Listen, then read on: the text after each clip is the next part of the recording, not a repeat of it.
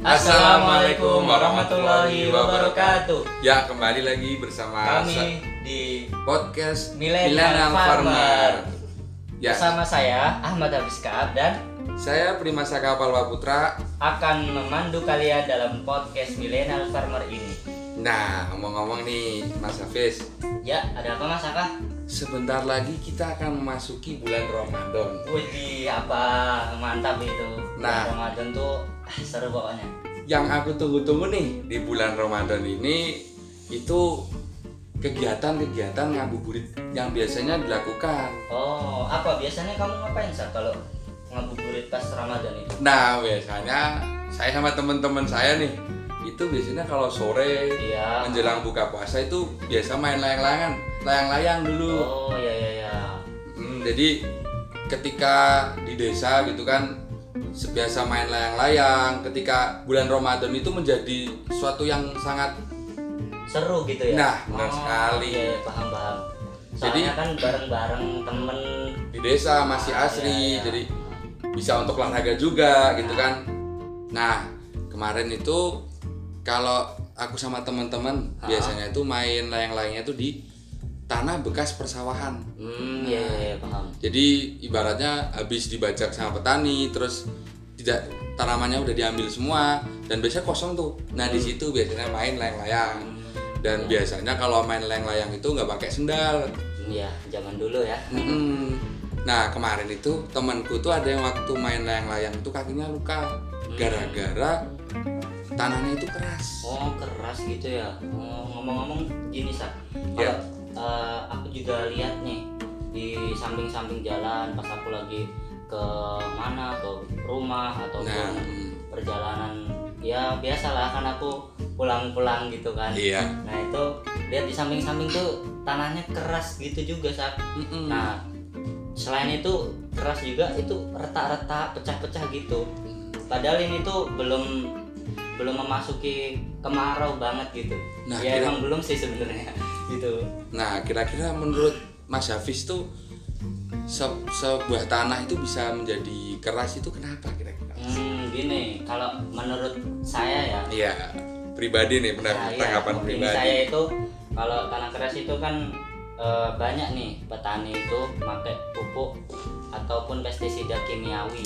Mm-mm. Nah, pestisida kimiawi itu tuh eh, emang sih bagus hasilnya, bagus. Mm, benar benar. Di awal emang membahagiakan petani Iya. gitu, tapi kalau buat lama-lama ya itu efeknya itu tanahnya itu jadi keras, jadi kayak pecah-pecah. Tidak semanis seperti janjinya ya kan? Aduh, janjinya Mm-mm. itu.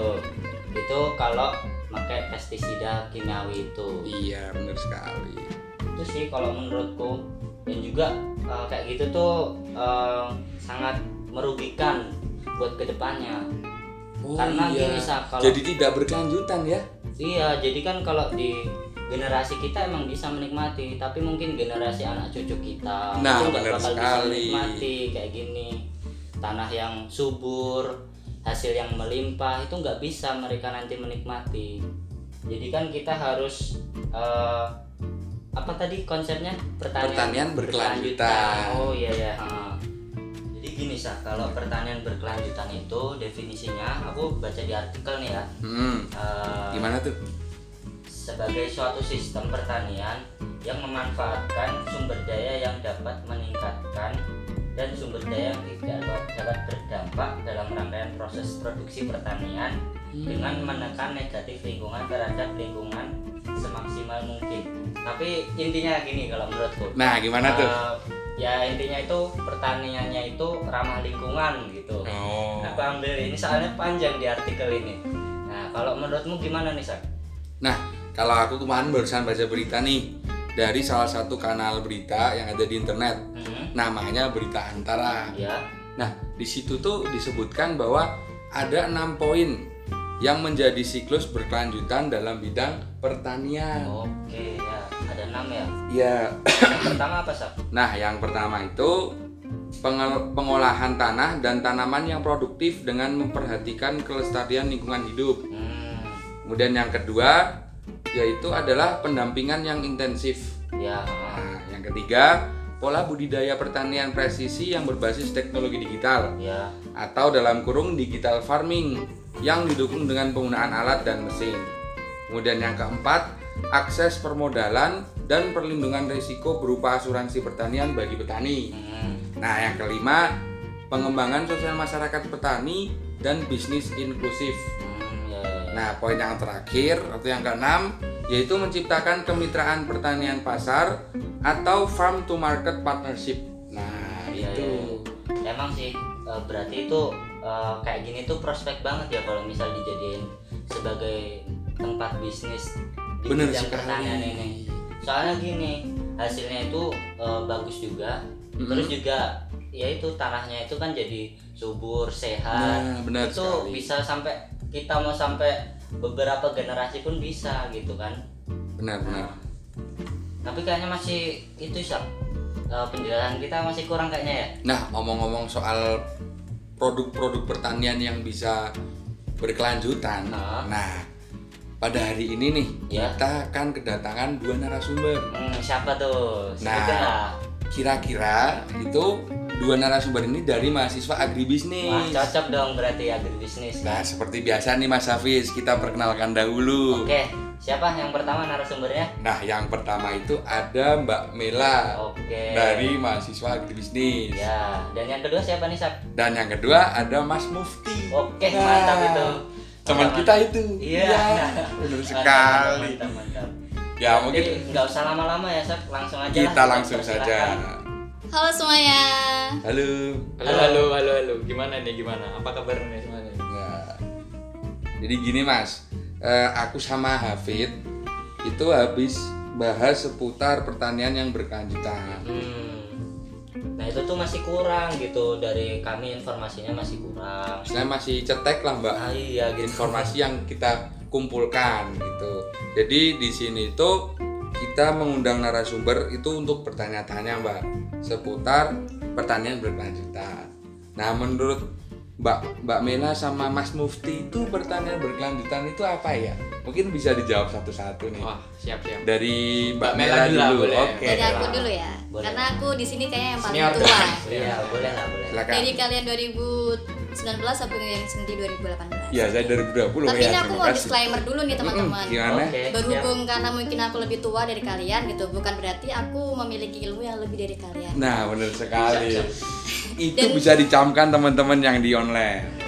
Dan semua yang aku ungkapin ini belum tentu juga benar karena da- aku juga belum bisa uh, pakai pendapat dari aku sendiri. Aku pakai pendapatnya dari jurnal nih. Aku mau bacain jurnal yang aku baca yang pernah aku baca dulu ya.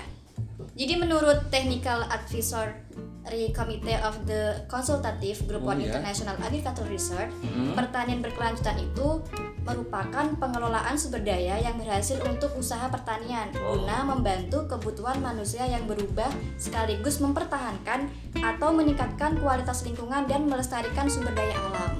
Nah, jadi intinya tuh bener kayak yang diomongin Hafiz sama Saka itu intinya itu pertanian berkelanjutan itu tuh bisa untuk generasi-generasi selanjutnya, Oh, generasi-generasi gitu. di atasnya dan berarti tadi kita benar. Benar. Ya, sudah Iya. benar. Intinya sih seperti itu teman-teman pasti teman-teman juga udah uh, pernah baca tentang pertanian berkelanjutan di jurnal di artikel itu pasti teman-teman juga sudah uh, paham lah apa itu pertanian berkelanjutan Nah, iya benar sekali Mbak Mela. Kalau dari Mas Mufti nih, Sebenarnya sama aja sih semuanya. Cuman kalau opini itu nggak ada yang salah, bro. Nah, Oke. benar sekali nih. Yang bener begini begini begini. Jadi begini, kita kan udah tahu lah gimana berkelanjutan itu. Kalau dari saya itu sebelumnya ada baca-baca sedikit lah. Hmm. artikel. Sebenarnya tuh awal mulanya itu konsep pembangunan ber- berkelanjut eh, pertanian berkelanjutan itu kan dari pembangunan berkelanjutan nih. Nah, benar Nah, sekali. Pembangunan berkelanjutan itu awalnya tuh untuk apa namanya berfokus untuk tujuan utama membangunkan ekonomi secara drastis gitu. Cuman Hmm. pada tahun 1980-an tuh Ya. eh, mereka melupakan dampaknya gitu. Ke lingkungan tuh jadi jelek banget. Akhirnya World eh, Commission of Environment and Development. Akhirnya kayak merumuskan eh, bagaimana pembangunan berkelanjutan ini supaya bagus ke lingkungan juga gitu. Dan tidak mengurangi eh, apa namanya mengurangi buat kehidupan selanjutnya kayak generasi-generasi kita berikutnya gitu. Iya, harus iya, dipertimbangkan ya. Kan ya kalau nggak nanti mereka mau gimana gitu. Kita di masa kita udah hancur semuanya Nah, tanah udah iya rusak kan nggak bagus ya kan? Oh berarti sejarah seputar pertanian berkelanjutan itu udah dari dulu ya? iya. Iya udah. itu udah jadi concern dari lama lah gitu Udah dari tahun 1900-an ya. iya lama 1980 Saya belum lahir itu ya. ya jelas belum lahir Nah, sekali. jangan udah lahir kamu Iya, kamu, belum. kamu berapa sekarang Bapak saya. gitu. Nah terus gini Mas dan Mbak sekalian Ini mau tanya lagi nih Eh, Bisa dikatakan pertanian berkelanjutan itu Jika sudah mencakup hal apa sih Mbak atau Mas? Oke. Jadi em, karena kita juga masih belajar ya teman-teman. Ini ada satu jurnal yang jurnalnya tuh bagus banget. Itu nama jurnalnya tuh Jurnal Inovasi Pertanian. Jadi Ya. dia tuh membahas tentang pembangunan berkelanjutan yang nanti mana turunnya itu akan pertanian berkelanjutan juga. Kalian tahu kan eh, pembangunan berkelanjutan 17 SDG itu Sustainable Development? Nah Ya, kalau boleh tahu apa itu denger sih aku Mungkin cuma bisa dijelasin. kurang, kurang paham Apa itu, nah Mas? kita kemarin pernah berkesempatan nih anak pertanian nih Nah ada dosen dari Malaysia Nah, keren tuh nah kita sempat sharing-sharing ilmu lah Nah, gimana tuh? tujuan ber- eh, pembangunan berkelanjutan Jadi eh, tujuan dari pembangunan berkelanjutan itu kalau teman-teman search di Google itu tuh ada 17 Hmm, 17 gitu. SDGs itu Ya. 17 Sustainable Development Goals Hmm. itu tuh eh, banyak banget intinya itu sama saja tentang gimana mempertahankan lingkungan kita itu supaya di generasi ke depannya itu tidak rusak agar lestari. gitu agar ya, lestari benar makanya tadi yang aku sebutkan itu untuk melestarikan dan mempertahankan sustainable tadi itu ya Ya benar. Nah karena sekarang kita lagi membahas pertanian berkelanjutan gitu, berarti kan jadi tuh jadi pembangunan berkelanjutan itu turun turun karena kan nggak semuanya juga di bidang-bidang kan banyak nih, Ya. banyak kan. Jadi kita masuk ke bidang kita sebagai mahasiswa Pertanian. Nah benar sekali Iya, nih. iya. Terus apa yang ditanyakan tadi itu jawabannya mungkin aku eh, mencuplik ya dari jurnal yang aku baca ini Ya, bagus boleh, banget teman-teman bisa cek aja jurnal banyak banget di situ itu tuh bisa dikatakan secara berkelanjutan pertanian berkelanjutan itu kalau sudah mencakup hal-hal yang pertama Nah, mantap apa tuh? secara ekologis Nah catat. maksudnya mantap secara ekologis ini tuh berarti itu memiliki kualitas sumber daya alam yang dipertahankan dan kemampuan agroekosistem secara keseluruhan dari manusia, tanaman, dan hewan sampai organisme tanah di tingkat kedua. Hmm, Oh, jadi iya, gitu iya, iya. Ya, terus em, sumbernya itu juga apa ya? Intinya tuh mereka itu tidak menggunakan unsur-unsur kimia yang berbahaya yang yang yang kayak sintetis Ya, gitu yang ya. sintetis. Oh. Jadi intinya tuh mantap secara ekologis itu juga mempertahankan ekologisnya. Dia menggunakan bahan-bahan untuk pertanian atau makanan hewan Yang hewan alami. yang alami. Bener sekali. lingkungan. nah sebenarnya kan kalau di zaman sekarang tuh kalau mau menghindari kimia sebenarnya sudah sulit banget gitu ya Iya. betul Nah, betul banget udah kita kayak- ketergantungan. nah bener tuh dari Justru sampai- itu kita dapat tantangan ya kan. Nah, Nah, benar. setidaknya dari sekarang nih kita Iya. mengurangi Nah, jangan jangan yang utama yang kimia gitu Oke. dikurangi Siap benar sekali. nah lama-lama kita akan terbiasa dulu dengan yang alami Betul Nah, sekali. Dan mungkin generasi kita mungkin ke depannya bakal menggunakan alami secara keseluruhan gitu ya Ya, Ya. dan lebih enak lagi kan. nah benar Itu yang pertama. Nah, yang kedua itu bisa berkelanjutan secara ekonomis. Jadi Nah, nggak cuma tentang dunia bidang budidayanya saja, tapi juga bisa secara ekonomis. Maksudnya itu petani bisa mencukupi atau menghasilkan untuk pemenuhan kebutuhannya mereka sendiri dan Ya. mereka tuh pendapatannya tuh tidak kurang gitu. Jadi pertanian berkelanjutan itu juga bisa dikatakan berkelanjutan kalau mereka itu bisa eh, memenuhi ekonominya sendiri, pendapatan mereka sendiri atau kebutuhan mereka sendiri Berarti prospeknya sangat ke depan sekali ya, Mbak. ke depan sekali gitu bisa bisa buat anak cucu kalian nantinya. Tuh, Mas Iya, iya. Mufti, diingat-ingat ya. Wah, siap, siap. Iya, bisa. Terus yang ketiga, yang ketiga nih, yang ketiga itu eh, adil. Maksudnya adil itu Gimana tuh? eh, sumber daya dan kekuasaan didistribusikan sedemikian rupa sehingga kebutuhan dasar semua anggota masyarakat dan hak hak mereka dalam penggunaan lahan terpenuhi, modal memadai, disertai bantuan teknis ser- serta peluang pemasaran yang terjamin. Kayak yang disebutin Saka tadi ada enam kan ada teknik tekno- teknologi-teknologi benar sekali. kayak gitu. Adil jadinya nggak cuman budidaya ekonomis tapi yang lainnya juga ikut terpenuhi. Nah, benar sekali. Iya. Dari Mas Mufti ada mau tambahin nggak? Nah, ada lagi nih. Nah, gimana nih? apa tuh Keempat ada manusiawi. Nah, maksud manusiawi. manusiawi itu Bisa gimana? dijelaskan tuh Mas Semua bentuk Mufti. kehidupan, Nah, tanaman, hewan, manusia, makhluk hidup lah. Ya, Itu makhluk harus hidup. dihargai. oke. Martabat eh, dasar semua makhluk hidup kan harus dihormati ya kan? Ya, Ya, ya. dan hubungan serta eh, institusi ya mengembangkan nilai kemanusiaan yang berdasar serta ke- eh, kepercayaan, kejujuran, terus harga diri, kerjasama dan eh, rasa saling eh, integri apa Inte- integritas integritas budaya Nah, gitu. benar sekali. dan spiritual. Nah, Yes, benar. gitu. Nah itu harus dijaga dan dipelihara. manusiawi Oke, tadi kan udah dijelaskan tuh terkait apa bisa dikatakan pertanian berkelanjutan itu jika sudah mencakup hal-hal yang tadi. Nah, Ada Nah, satu ada lagi, lupa. Ada satu lagi. oh belum Ternyata masih ada. Masih ada. Bisa disampaikan. Yang terakhir nih. Gimana? Luwes. Dari katanya aja udah luwes. Gitu. Wah, gimana tuh Oh, maksudnya apa berarti tuh? Masyarakat itu harus eh, bisa menyesuaikan diri dengan perubahan kondisi usaha tani mereka Hmm. yang berlangsung secara terus menerus gitu misalnya eh, pertambahan jumlah penduduk terus ada kebijakan dari pemerintah terus ada permintaan pasar nah, dan masih banyak lainnya oh dong berarti cepat beradaptasi ya nah benar Benar sekali Mas. Nah, tadi kan juga disinggung nih Mbak masalah bisa berkelanjutan itu harus mencakup secara ekonomis. Iya benar. Nah, contoh bisnisnya itu apa ya Mbak? Agar sistem pertanian berkelanjutan itu tetap diterapkan dan bisa menghasilkan keuntungan yang lumayan. Oke. Jadi sekarang tuh di akhir-akhir ini tuh bukan akhir-akhir ini ya. Mereka itu eh, pada tidak mau menggunakan pupuk pupuk organik semua karena takutnya tadi kurang mantep gitu kan Kurang ya. mantep, Jadi harus ada Lama kimianya gitu. prosesnya. Padahal, padahal teman-teman jika teman-teman ini pengen menghasilkan keuntungan yang besar dengan tetap menerapkan uh, pertanian, berkelanjutan, itu Nah, bisa banget. tuh? Kalau teman-teman nih bisa search di Instagramnya atau di Google, Iya. coba teman-teman cari yang namanya Agradaya sama Kebun Kumara. Tahu Nah, nggak? itu bisa dicari tuh teman-teman yang online. Tahu nggak kalian? belum tahu sih mbak Belum tahu ya? kamu tahu nggak sak Aku pernah dengar saja. oh gitu Jadi kalau- ya mbak Oke, kalau kebun, jadi teman-teman itu bisa menciptakan bisnis sesuai hobi kalian juga. Kalau Oh, hobi gitu. nanem, kayak misal, kayak misalnya ini nih, yang kebun kumara. Kebun kumara itu ownernya itu dia itu eh, hobi nanem, makanya dia menciptakan bisnis yang namanya kebun kumara. Dia itu eh, memberikan ilmu kepada masyarakat untuk seputar pertanian berkelanjutan. Bisa kalian search aja di Google tuh udah banyak.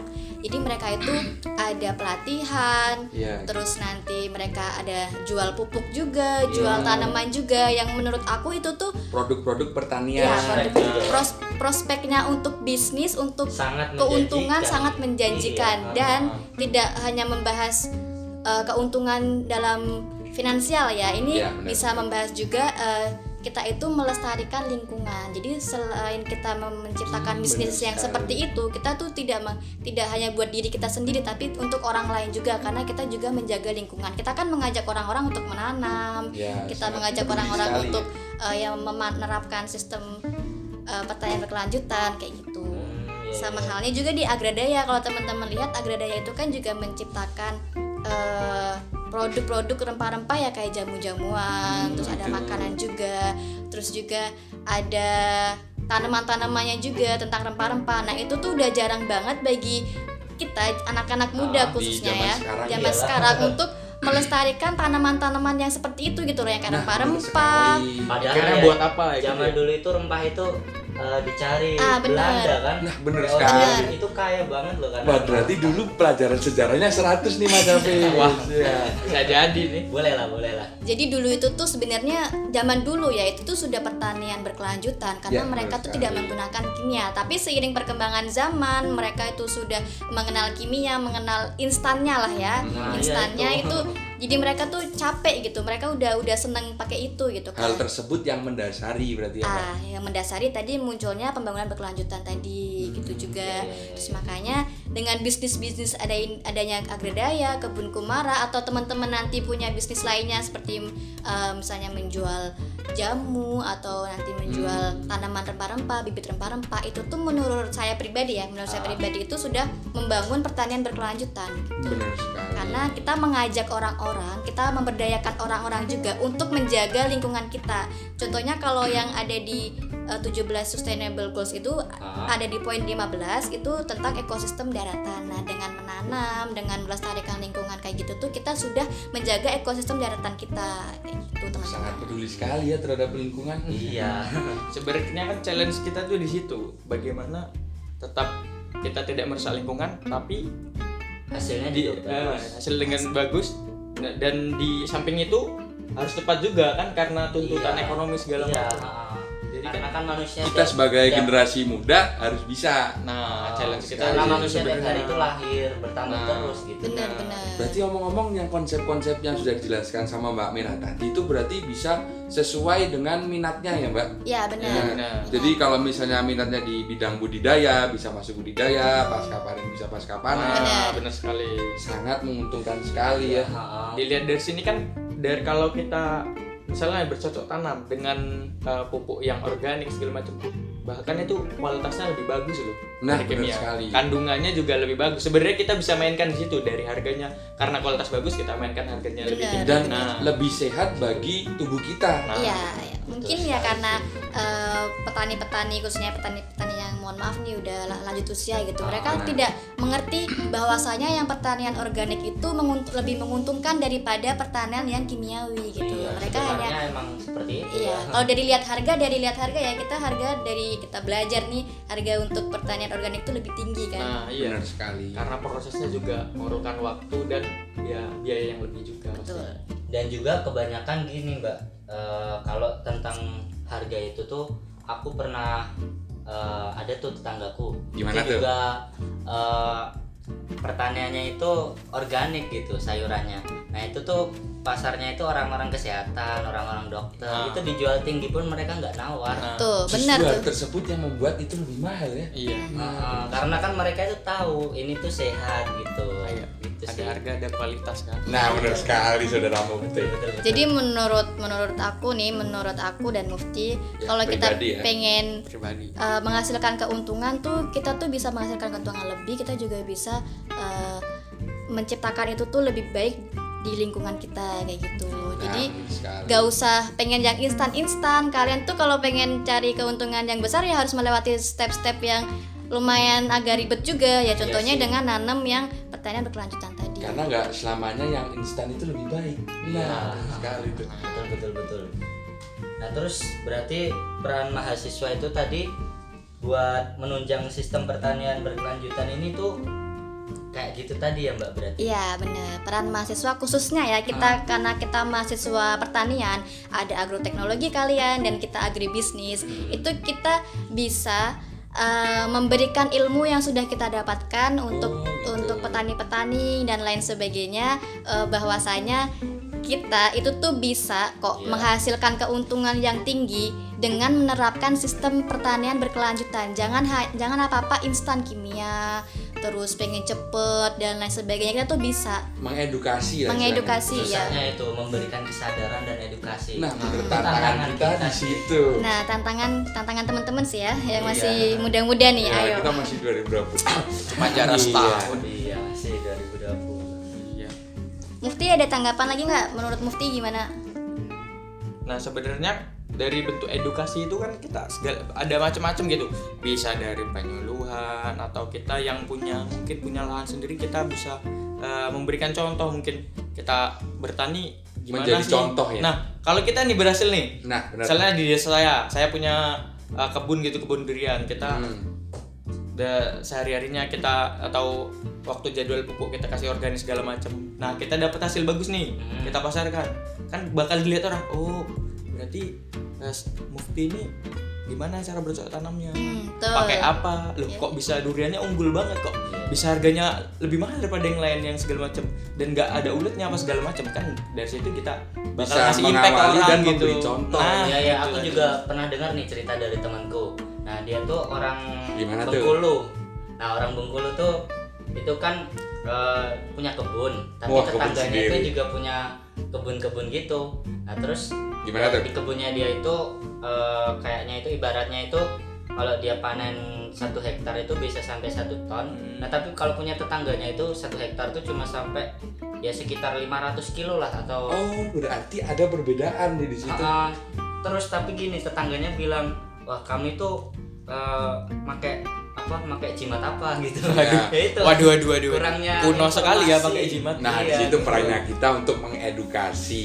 Iya betul sih. betul makanya kenapa kita membahas sekarang ya pertanyaan kelanjutan dalam dunia bisnis kita tuh ya pengen mengedukasi teman-teman yang lagi hopeless banget dengan bisnis pertanian bisa kok kita Iya. tuh dengan bisnis pertanian yang berkelanjutan kalau kita punya misalnya udah punya wadah kayak tadi saya contohin kebun kita kan juga bisa ngasih lahan apa pekerjaan buat ya buat Ya, betul yang sekali. lainnya Lapangan pekerjaan. kita eh, yang di desa-desa nih yang nggak bisa kuliah kita bisa rekrut maksudnya kita masukin buat pengolah kebun kita kan Ya gitu. buat teman-teman kita yang nganggur Iya, juga ya. bisa ya nongkrong Ya yang setiap hari main Mobile Legends. iya itu bisa Bisa, gitu. gitu kan sebenarnya masih asik nih pembahasan kita nih Sak. tapi Iya, bener. eh, apa namanya waktunya nih loh udah mau kuliah Nah, bener sekali.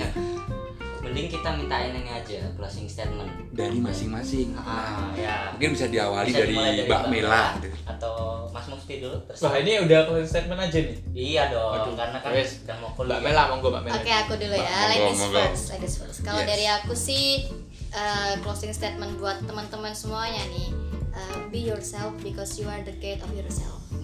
Widih, keren sekali. kok berat sekali ya Mbak tuh diartiin? Mbak aku nggak bisa bahasa Inggris. Artinya tuh jadilah diri kamu sendiri karena kamu itu adalah gerbang diri kamu sendiri. Jadi kamu lakukan apa yang ingin kamu lakukan selagi itu masih baik. Catet Mas Mufti ya.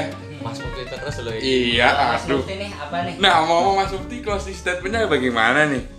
kalau dari saya berpikirlah sebelum bertindak Wih deh.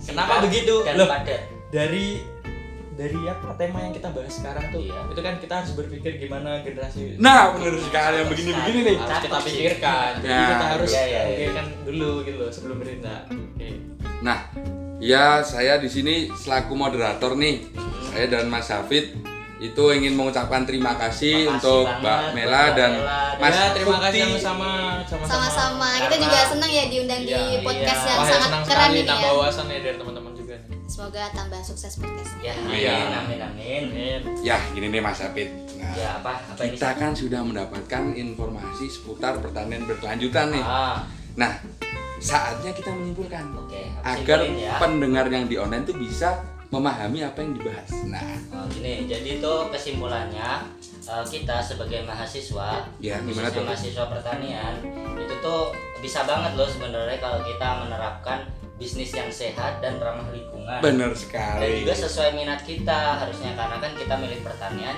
kita harus ya ke depannya lulusannya ya harus bertani gitu. Nah, benar. Dan juga ini tuh juga harus memiliki tujuan juga tujuannya itu agar generasi berikutnya itu pun juga bisa menikmati apa yang kita nikmati sekarang gitu Benar sekali. ya itu sih kesimpulannya untuk eh, podcast millennial farmer kali ini ya mungkin ini atau mau di kita tutup aja ya sak sekarang nih Ya, karena kita bentar lagi akan kuliah, ya kan? Hmm, ya, ya. Dan akan dilanjutkan pada episode selanjutnya. Ah, Maka dari itu, teman-teman yang online bisa stay tune di dan Spotify tetap menyimak podcast Millennial Farmer. Nah, Billahil sabilil haq Fastabikul khairat. Wassalamualaikum Warahmatullahi wabarakatuh